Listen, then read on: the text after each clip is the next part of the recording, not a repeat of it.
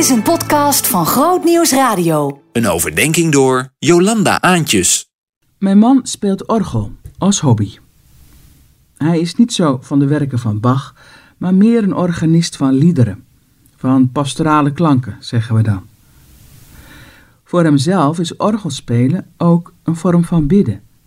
Het hoort echt bij zijn relatie met God. Het brengt hem in de stemming. Nou, of anders gezegd, ik denk dat de Heilige Geest door de muziek heen werkt naar hem toe. Het geeft hem ook weer hernieuwde ruimte in zijn hoofd en in zijn hart. Hij vertelde eens dat muziek ook intens kan zijn, dat hij altijd wel een melodie in zijn hoofd heeft. En dat hij een melodielijn voor zich ziet en een wijze van spelen. Muziek is ademhalen, is leven voor hem. Ik denk dat meerdere muzici dat zullen herkennen. Ik sprak eens een organist in Rusten, een man van bijna honderd die doof was geworden en niet meer kon spelen in een kerkdienst. Het was voor hem een groot gemis, maar in zijn hoofd speelde hij door. Zo intens kan de gave van muziek dus zijn. Het orgelspel van mijn man raakt zijn horens ook. Ik, en hij zelf gelukkig ook, krijgt dat geregeld terug van mensen nadat hij een kerkdienst heeft begeleid. Dan zeggen de mensen: Je hebt me geraakt, het doet me wat. Muziek wordt door God gebruikt, beslist. Andere lagen in je worden geraakt dan wanneer je enkel woorden hoort. In onze kerkdienst in Hal klinkt bijvoorbeeld geregeld een dwarsfluit, die het gebed om Gods ontferming speelt. Wanneer dan de themamuziek klinkt uit de film Schindler's List, dan klinkt het als een klaagzang naar God toe, als een roep, Heer ontferm u toch. En dat snijdt je door de ziel. Muziek en God, dat is meer dan alleen een orgel in een kerkdienst.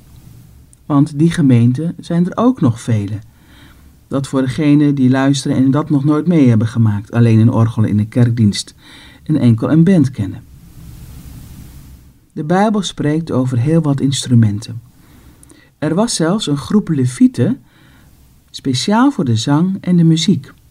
Eerst bij de ark, later in de tempel. In 1 Kronieken 15 vers 16 staat... Verder beval David de hoofden van de levitische families... diegene van hun verwanten te laten aantreden... die met luide stem onder begeleiding van muziekinstrumenten, van harpen, lieren en cymbalen, vreugdeliederen konden zingen. Kortom, alle eer aan God met alle stemmen en muziekinstrumenten. Het mooie is, het is eer aan God. En tegelijk gebeurt er ook wat met de spelers, de zangers en de toehoorders.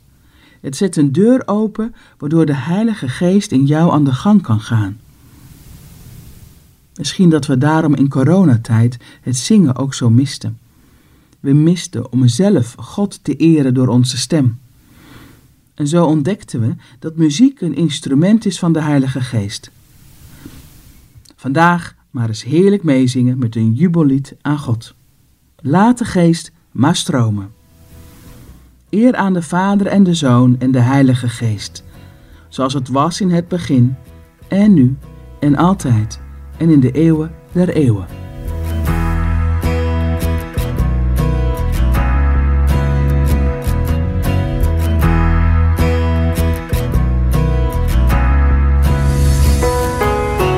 Meer verdieping? grootnieuwsradio.nl slash podcast